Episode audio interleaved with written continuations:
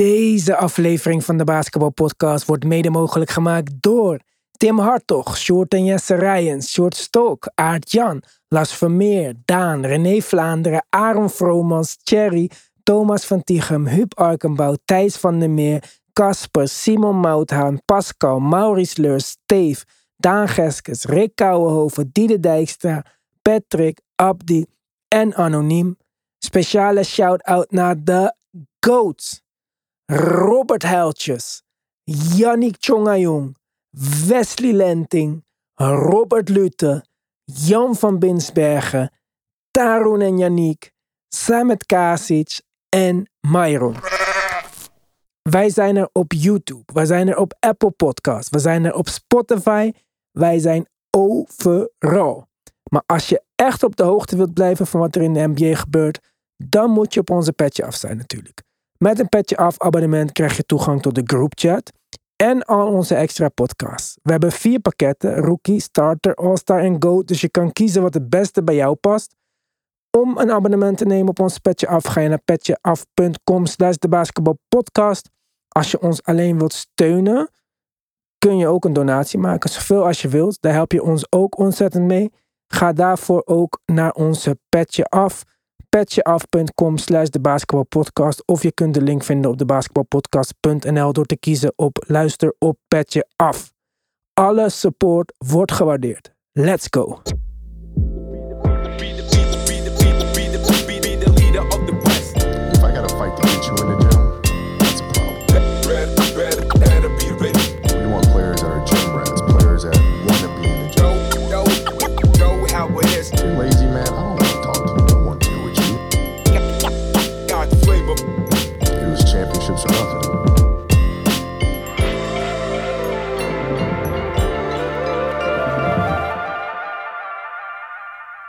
Welkom bij een nieuwe aflevering van de Basketball Podcast. Jullie weten ondertussen hoe het gaat. We beginnen het feestje hier en de afterparty is op petje af. Elke werkdag een nieuwe aflevering. Waar anders dan bij de Basketball Podcast. Vandaag beginnen we met de Thunder tegen de Knicks. Kijk, Knicks-fans onderling gebruiken vaak zinnen als ja, dat zijn de Knicks of typisch Knicks weer. En voor een buitenstaander is dat misschien moeilijk om te begrijpen wat we daar precies mee bedoelen. En daarom ben ik blij dat we vandaag extra vroeg live op de League Pass, maar ook op tv naar de Knicks konden kijken. En dat iedereen thuis, en jij ook Tim, allemaal een soort van trailer hebben kunnen zien van de dramafilm die heet Een seizoen uit het leven van een Knicks-fan. Want waar anders wordt er een record verbroken voor punten in het eerste kwart, een 48 punten eerste kwart, om vervolgens de eerste helft al te eindigen op 79-73 in het voordeel van de Thunder en dan ook gelijk maar die hele wedstrijd te verliezen in een blowout. Welkom bij de New York Knicks. Ja, tamelijk bizar. Eh, en dat is niet omdat we dit eh, bij de Knicks niet al wat eerder gezien hebben. Maar zoals vandaag was wel erg eh, overdreven. En nou ja, open huis. Dat was eigenlijk het voornaamste, de voornaamste reden. Yes, Tips de defensive coach. Naar mijn mening de verantwoordelijke voor dit zootje. En ik hoop echt dat dit nou een keertje de laatste wedstrijd is. Want ik, ik trek het niet meer. Deze wedstrijd zat weer vol met voorbeelden wat er allemaal beter kan. Uh, waar, ja, waar, waar moet ik beginnen? Ik weet het niet eens. Nou ja, laten we beginnen met Cam Reddish sowieso. Die de wedstrijd van zijn leven speelt. Maar ook pas voor de vierde wedstrijd op rij start. Vorig jaar een half seizoen op de bank heeft gezeten. Ook dit seizoen niet gegarandeerd was van speelminuten. Wat was jouw eerste indruk van Cam Reddish? Zijn beste wedstrijd als een Nick. En inderdaad, eh, als er één profiteert van, uh, laten we zeggen, stabiliteit, continuïteit. Gewoon de ruimte krijgen om, om te spelen, dan is hij het wel. En hij laat nu zien wat een Cam Reddish nou ja, in potentie is, zeg maar. In optima forma. Best wel aanvallend allround. Um, over verdedigende deel komen we straks ongetwijfeld nog wat te spreken. Maar hij liet eigenlijk van alles zien vandaag. En dat vond ik echt wel indrukwekkend. Hij deed echt absoluut goed. Schoot, drive naar de basket. Uh, zijn finishing was goed. Hij was agressief. Het, het, was, het was tamelijk compleet. En ik vond het uh, ja, absoluut zijn indruk, meest indrukwekkende wedstrijd als een ik. Ja, je zei het al. offensively was hij dus extra deze wedstrijd. Dat heb ik ook nog niet eerder van hem gezien. En daarom was dit misschien zijn beste wedstrijd als Nick. Maar defensively heb ik het niet al eerder gezegd. Is Cam Reddish niet degene die altijd om screens heen gaat? In deze wedstrijd waren het Cam Reddish en Grimes als enige die ook maar probeerden te vechten om over een screen heen te gaan. Zijn hele defensive ja, skillset was hier on display. En Quickly trouwens was ook niet slecht defensively, maar heeft Ja. misschien gewoon zijn beperkingen als verdedigende speler. Maar heeft wel die effort. Net zoals dat Jalen Brunson die effort toont, maar niet de kans kreeg dat te laten zien in de tweede helft, omdat hij werd gebenched. Net als RJ Barrett, die maar twee minuten speelde zelfs in de hele tweede helft. En dan denk je van oké, misschien was er iemand anders hot. Nee, dat was in voordeel van Evan Fournier. Want die blijft maar minuten krijgen. Want veterans moeten spelen onder tips. Ook al ben je 0 uit 6, jij krijgt minuten. Hij kan niemand stoppen. Het is onbegrijpelijk voor mij. En dan de meest alleronbegrijpelijkste punt op planeet aarde. Zelfs Patrick zei het ook in de groupchat. Ik snap jouw irritatie met Randall. Kijk naar Julius Randall. Behalve dat hij offensively, dat die stats zijn als LeBron stats. Ze doen er niet toe. Hij maskeert alles door bijvoorbeeld geen turnover te hebben of gemist schot. Door met één seconde naar een teamgenoot te passen. Ja, lekker makkelijk. En hij verdedigt echt, echt niet. Maar hij is James Harden level intensiteit qua defense. In de tweede helft zag je ook Topin weer. Topin weer een goede wedstrijd, maar weer beperkte minuten. Hij was 4 uit 5, 2 uit 3 van 3. Deed zijn best om te verdedigen. Was een uitermate geschikte wedstrijd met de kleine poke, of niet kleine, maar dunne Pokusevski om Topin als center te proberen. Wordt niet gedaan. Randall moet zijn minuten krijgen. Barrett moet op de bank. Brunson moet op de bank. Maar Randall is verzekerd van minuten, wat er ook gebeurt. Eerste keer dat hij erin komt, na een geraakt schot van Topin nog, eh, valt hij bij de eerste defensive play alweer in slaap. En voor de rest mag hij de rest van de hele tweede helft gewoon spelen. Ja, Ik, ik eh, begrijp dit niet. En dat ondanks eh, dat we hebben gezien hoe het verdedigend ging voor ze. Want als je nou nog zegt, nou ja, de, op de een of andere manier draagt hij nog bij aan, eh, aan, laten we zeggen, een team defensive play. Of op een andere manier een, een, een bijdrage leveren. Maar dat was helemaal niet het geval. Het was, het was eh, wat ik zei, open huis. Eh, De, de Thunder konden eh, doen en laten wat ze wilden. Met name in de vorm van SGA. En ja, dan snap ik inderdaad niet waarom het toch in hemelsnaam zo moet zijn als dat het is bij de Knicks in de slotfase. En dat hij dan nu begint met benchen van starters in de vorm van Brunson, Barrett en Hartenstein. Eh, maar Randall gewoon zijn gang laat gaan. Ja, ik ben het met je eens. Ik, ik zou het niet kunnen verklaren. En je laat Jericho Sims spelen, die je eerst twee wedstrijden als starter hebt geprobeerd, omdat je je bench unit niet uit balans wou brengen Ja. door Hartenstein te starten. Uiteindelijk snap jij, net als iedereen op de fucking planeet, dat je je beste spelers moet starten ten koste van wat dan ook. Start je nu Hartenstein, heb je Sims eh, zelfvertrouwen weer door de grond geboord. Ja, het, het is echt, het is echt een bijzonder slechte coach. En er is geen excuus meer om hem nu te houden. Er moet wat veranderen. Ik snap dat Rendel niet à la minuut wordt getraind. Ik, ik hoop dat hij wordt getraind. Ik heb zelfs nog wel een trade idee voor hem. Maar daar komen we straks op petje af wel op. Maar dit sloeg gewoon nergens op. En trouwens ook, kijk, ik, ik hou van Derrick Rose, maar hij is gewoon niet goed dit seizoen. Die minuten moeten ook gewoon naar Quickly gaan. Want Quick- Quickly deed het wel goed. Aan de andere kant trouwens, wie het goed deed, Josh Giddy. Ja, een eh, lange Australische point guard die niet kan schieten. Waar eh, kennen we dat van? Als hij bij de Knicks zou spelen, was hij center. Maar hier mag hij dus eh, point guard spelen. En samen met SJ in de backcourt. Dat is toch wel een mooi backcourt voor de future. 100%. En eh, hebben vandaag allebei een fantastische wedstrijd gespeeld. Het was op hun eigen manier, dat wel. En we moeten er ook bij zeggen dat werd ze weinig in de weg gelegd. Dus we, we hebben ze kunnen zien zoals ze zo goed als ze kunnen zijn. Maar het was, ja, het was fantastisch, absoluut. Eh, dit is een backcourt van de future. En eh, daar gaan het dan nog heel veel plezier van beleven.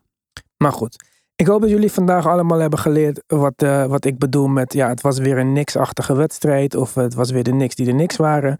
Jullie hebben het allemaal kunnen zien. Jij ook, Tim. Ja, dit is, dit is wat het is als je fan bent van de niks.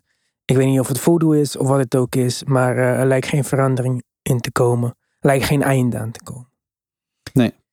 Tips out. Tips out, alsjeblieft. Gaan we verder.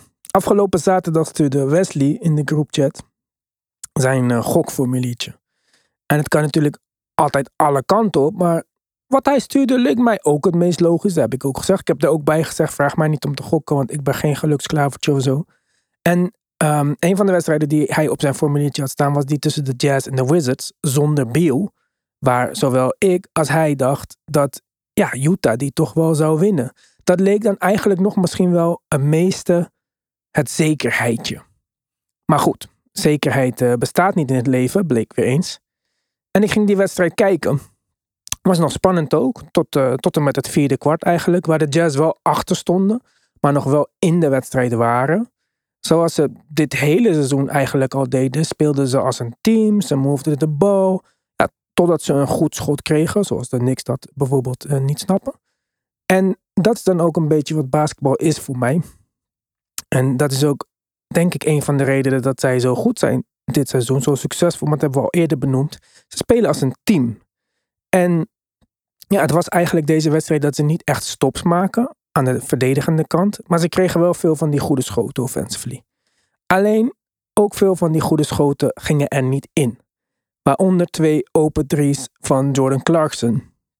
Ja, en dan heb je natuurlijk die bekende cliché: live by the tree, die by the tree. En in dit geval was het dus die. Want de wedstrijd glipte uit handen, ze misten de kans om aan te sluiten en de Wizards wonnen. Maar het was voor mij vooral wat een goed team onderscheidt van een beter team. En dat is dat de echt goede teams die goede schoten opgeven om nog betere te krijgen. En dat zag ik nou terug in de wedstrijd tussen jouw Dallas team en de Portland Trailblazers. Bijna hetzelfde scenario. De Blazers, geleid door een trouwens de laatste tijd erg sterke Jeremy Grant, dropt even in het derde kwart 13 punten, 2 uit 3 van 3. Um, die stonden voor aan het begin van het vierde kwart. En datzelfde vierde kwart waar Luca de laatste tijd niet altijd even hot is. Luca die voor de rest wel MVP-level Luca is dit seizoen. Hij is de leader in first quarter points. Hè? Hij kan bij de spelen. Hij is de leader in isolation plays. Hij heeft 10, 10 punten, 5 assists, 5 rebounds. Eerste kwarten sinds 2019. De rest van de league bij elkaar hebben er 8. Hij heeft de meeste triple-doubles in Mavs history. En waar Michael Jordan in zijn vijfde seizoen 33, 8 en 8 postte, komt Luca met 34, 9 en 8. Hè? Misschien is hij wel de GOAT als we uitgaan van statistieken. Hij is een van de drie spelers in de top 10 van zowel points per game als assists. En kijk, ik raad nu een heel lijstje met statistieken op. En iedereen weet dat ik niet per se van de statistieken ben. Maar Luca dus ook niet. Want toen hij werd geconfronteerd met uh, louter superlatieven voor zijn prestaties, zei hij over NBA statkeeping het volgende. Ik kijk niet naar statistieken. Jullie hebben voor alle statistieken. Wie er één espresso drinkt voor de wedstrijd en vijf punten scoort, krijgt het record. dat was uh, best grappig en daar heeft hij zeker een punt. Maar ik zag wel één stat die ik veelzeggend vond. Luca gaat namelijk slechter schieten naarmate de wedstrijd verstrijkt. In het eerste kwart is hij 53% van de field en 35% van drie. In het tweede kwart ook. Maar in het derde kwart zakt dat naar 48% van de field en 28% van drie. En in het vierde kwart wordt het zelfs 36% van de field en 17 van drie. En dat roept weer die vergelijking met Rockets James Harden bij mij op. Ja. En of Luca nou beter is of niet, die James Harden strandde op zijn top in de Western Conference Finals. Dus of dit type play dan de basis kan zijn van een kampioenschapsteam, dat vraag ik me af. Maar even terug naar die wedstrijd. Zoals ik net al zei, om aansluiting te krijgen heb je stops nodig en scores. En waar de Jazz geen stops konden forceren tegen de Wizards, lukte dat Dallas wel tegen de Blazers. Double team op Simons leefde een turnover op. En aan de andere kant deden ze ook weer precies wat ik net zei over de echt goede teams. Luca ging naar de basket, kon daar gaan voor een contested shot. Hij is een ster, niemand zou hem dat kwalijk nemen. Maar hij paast de bal naar buiten. De bal wordt doorgepaast naar Spencer Dinwiddie. Swish. Dan weer. Bullock krijgt de bal. Wordt misschien voor maar 20% gecontest. Het zou een goed schot zijn om te nemen. Maar hij paast door naar een volledig open Dorian Finney-Smith voor een nog beter schot. Open 3. Bang. Geen ijzelbal, maar team basketbal. Goede schoten opgeven voor beter. Dat was voor mij de key van deze overwinning. Van dit vierde kwart En misschien wel voor de Mavs voor de rest van dit seizoen. Helemaal met je eens. Ik kan het niet beter omschrijven dan dit. En dit was inderdaad het verschil. Het waren die, die extra passes en die drie punters van uh, Dorian Finney-Smith en uiteindelijk van Spencer ook, die het, een, die het een aantal keer deed. Die letterlijk de wedstrijd bezegelde. Dat was wat er gebeurde. Dus ik ben het 100% met je eens. Uh, we moeten inderdaad niet met z'n allen alleen maar naar Luca moeten kijken. Want de ervaring leert dat dat uh, geen garantie is voor het allergrootste succes. En zeker in de slotfase van wedstrijden is dit Dallas team absoluut in staat om, zoals je net al zegt, met de shooters die ze om hem heen hebben. En de onzelfzuchtigheid die zij ook hebben.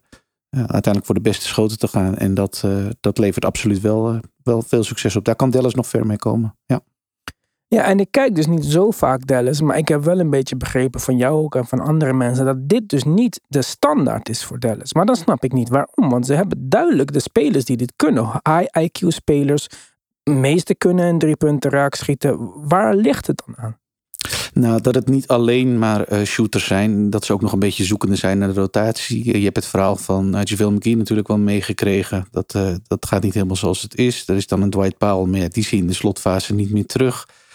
dit was vorig jaar een team wat inderdaad, laten we zeggen, dit five-out systeem hanteren. Dus een hele hoop shooters eromheen. En Luca die aan het drijven is. En nou, ofwel een kick-out ofwel een score van, van inside.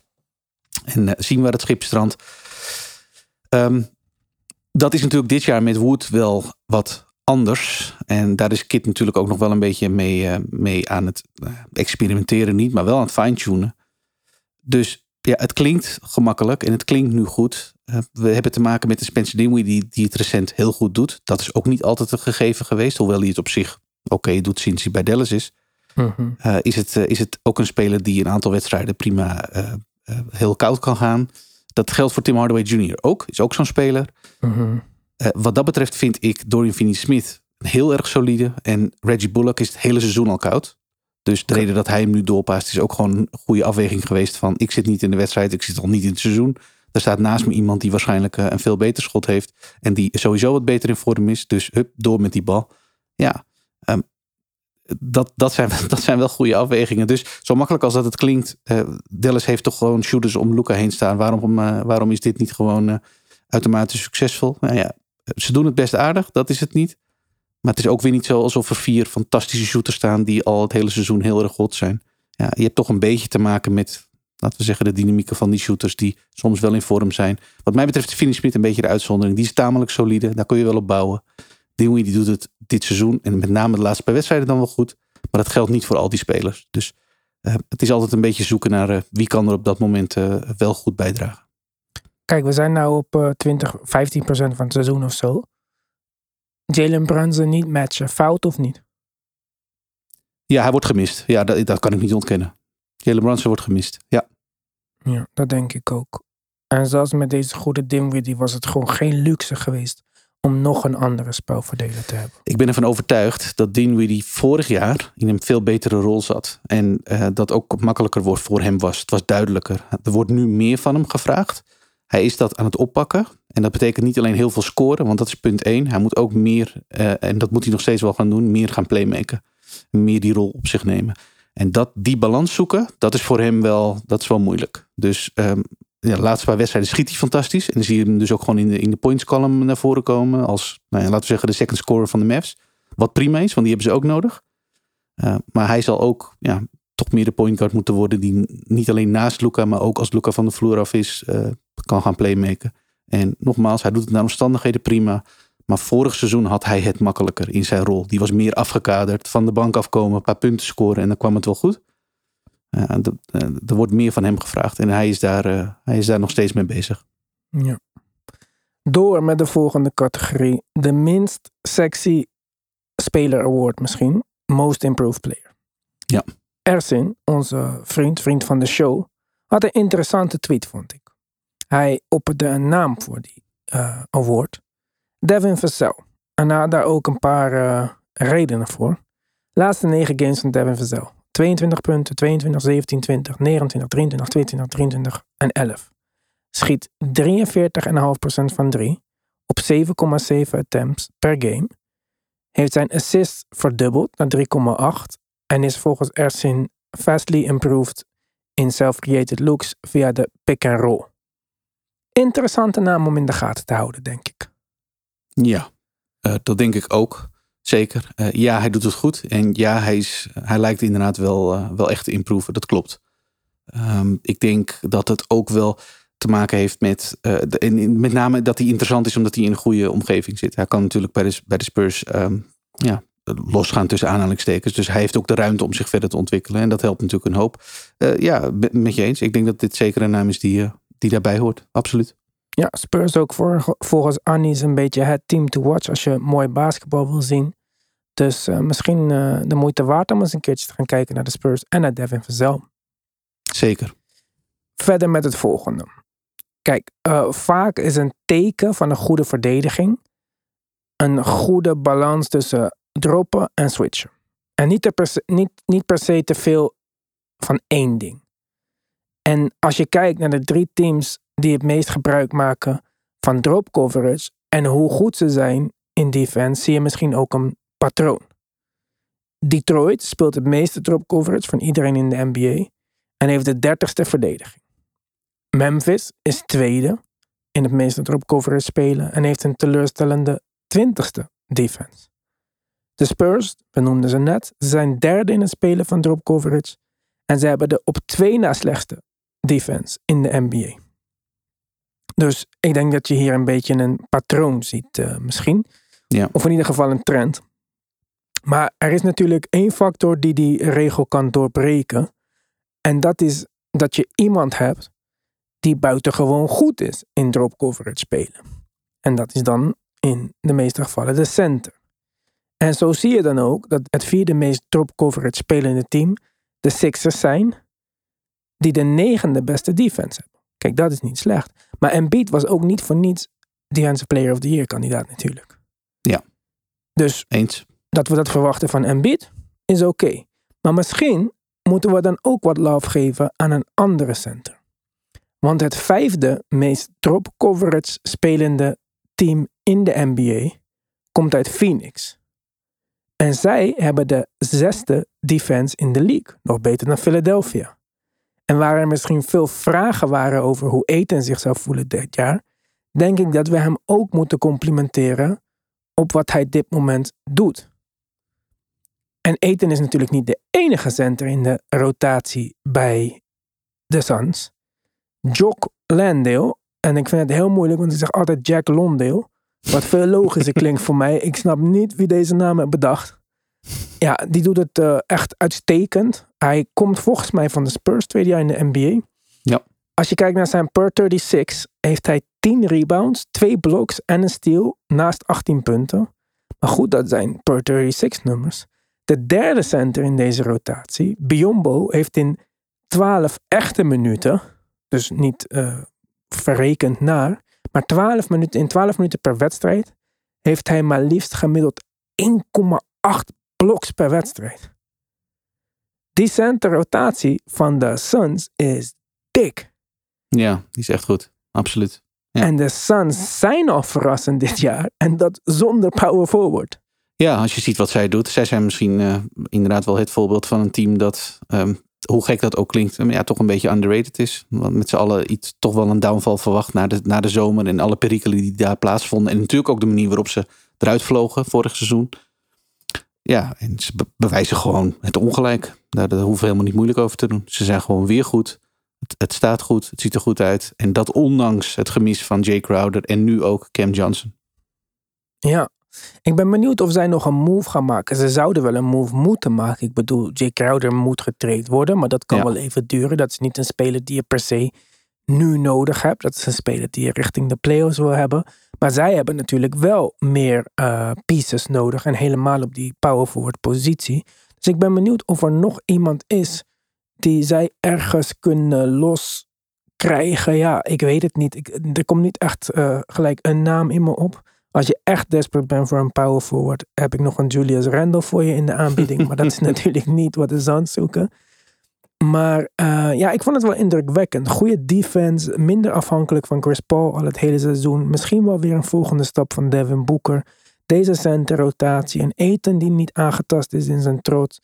allemaal goede tekens voor de Suns. En hou de Suns in de gaten. Want ja, we hebben het nooit over ze eigenlijk. We hadden niet per se verwacht dat ze zo goed zouden zijn dit jaar als vorig jaar. Maar ze doen het toch maar weer. En we laten het eigenlijk een beetje onopgemerkt voorbij gaan. Dus daarom wou ik even attentie vragen voor de Suns op dit moment. Om vervolgens af te sluiten met de Orlando Magic. Die op een mini-winning streak zijn. Twee wedstrijden achter elkaar gewonnen. ja, dan kan je niet echt. Maar ik moet eh, bij de Magic altijd een beetje zoeken naar positieve. Nadat de Thunder dus vandaag alweer de niks verslaan en er heel goed uitzien. Wij nog steeds die weddenschap hebben over de Magic en de Thunder.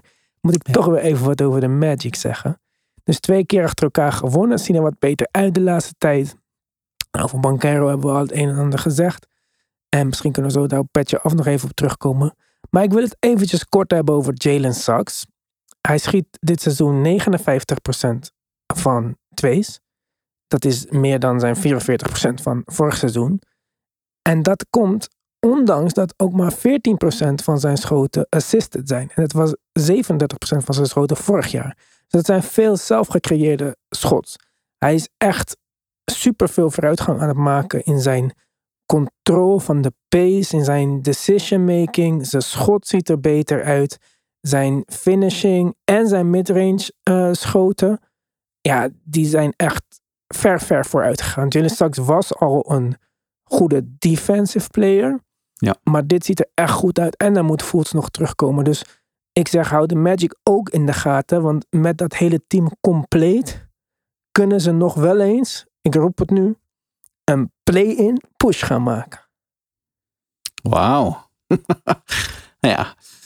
Nou ja, ik ga dat zeker in de gaten houden. Ja, zij hebben nog wel eh, de, nodige stappen te maken daarvoor. Maar ik ben met uh, over Saks volledig met je eens. Dat, uh, dat kun je zo zien als je de wedstrijden van, van hen kijkt. Is dat hij misschien wel gegeven de omstandigheden. Want ze zijn niet zo dik in de guards momenteel. Dus ehm, hij, hij, mag het ook doen daar. zeker stappen aan het maken is ja om wat completer te worden. Aanvallender vooral. Want we inderdaad, zoals je zei, we wisten wat hij verdedigend kon. Dat laat hij ook wel zien. Ehm, ja, aanvallend ook meer ja, wat meer tempo kan bepalen en wat meer gecontroleerd uh, spelen, beter schieten. Ja, dat, uh, dat doet hij goed, absoluut. Ja, vond ik ook. Goed, dat was hem voor de normale af, uh, aflevering. Wij gaan verder op Petje Af. We zijn natuurlijk de hele week, zoals ik al zei aan het begin, vijf dagen per week een podcast. Ik weet dat, het, dat ik mezelf geen schouderklopjes hoef te geven misschien. Maar welke andere podcast geeft jou vijf dagen per week een podcast? Maandag de normale aflevering, dinsdag een Petje Af, Woensdag weer een normale. Uh, donderdag hebben wij een Connect. Ja. Connect. En vrijdag hebben wij een Tim Talk. Tim Talk. Maar dan hebben we vanavond hebben we ook nog een patch af. Dus dat betekent eigenlijk dat het zes dagen per week is. Daar had ik helemaal niet bij stilgestaan. Ik zeg gewoon verkeerd. Het, wow. is, het is nog meer gewoon. Ja. Het is zes ja. dagen per week een podcast. En dan zijn er nog steeds mensen die geen patch af hebben, Tim. Ik uh, weet niet wat we nog meer moeten doen. Ik ook niet. Join the movement, support the movement, join the family. DBP family. We out.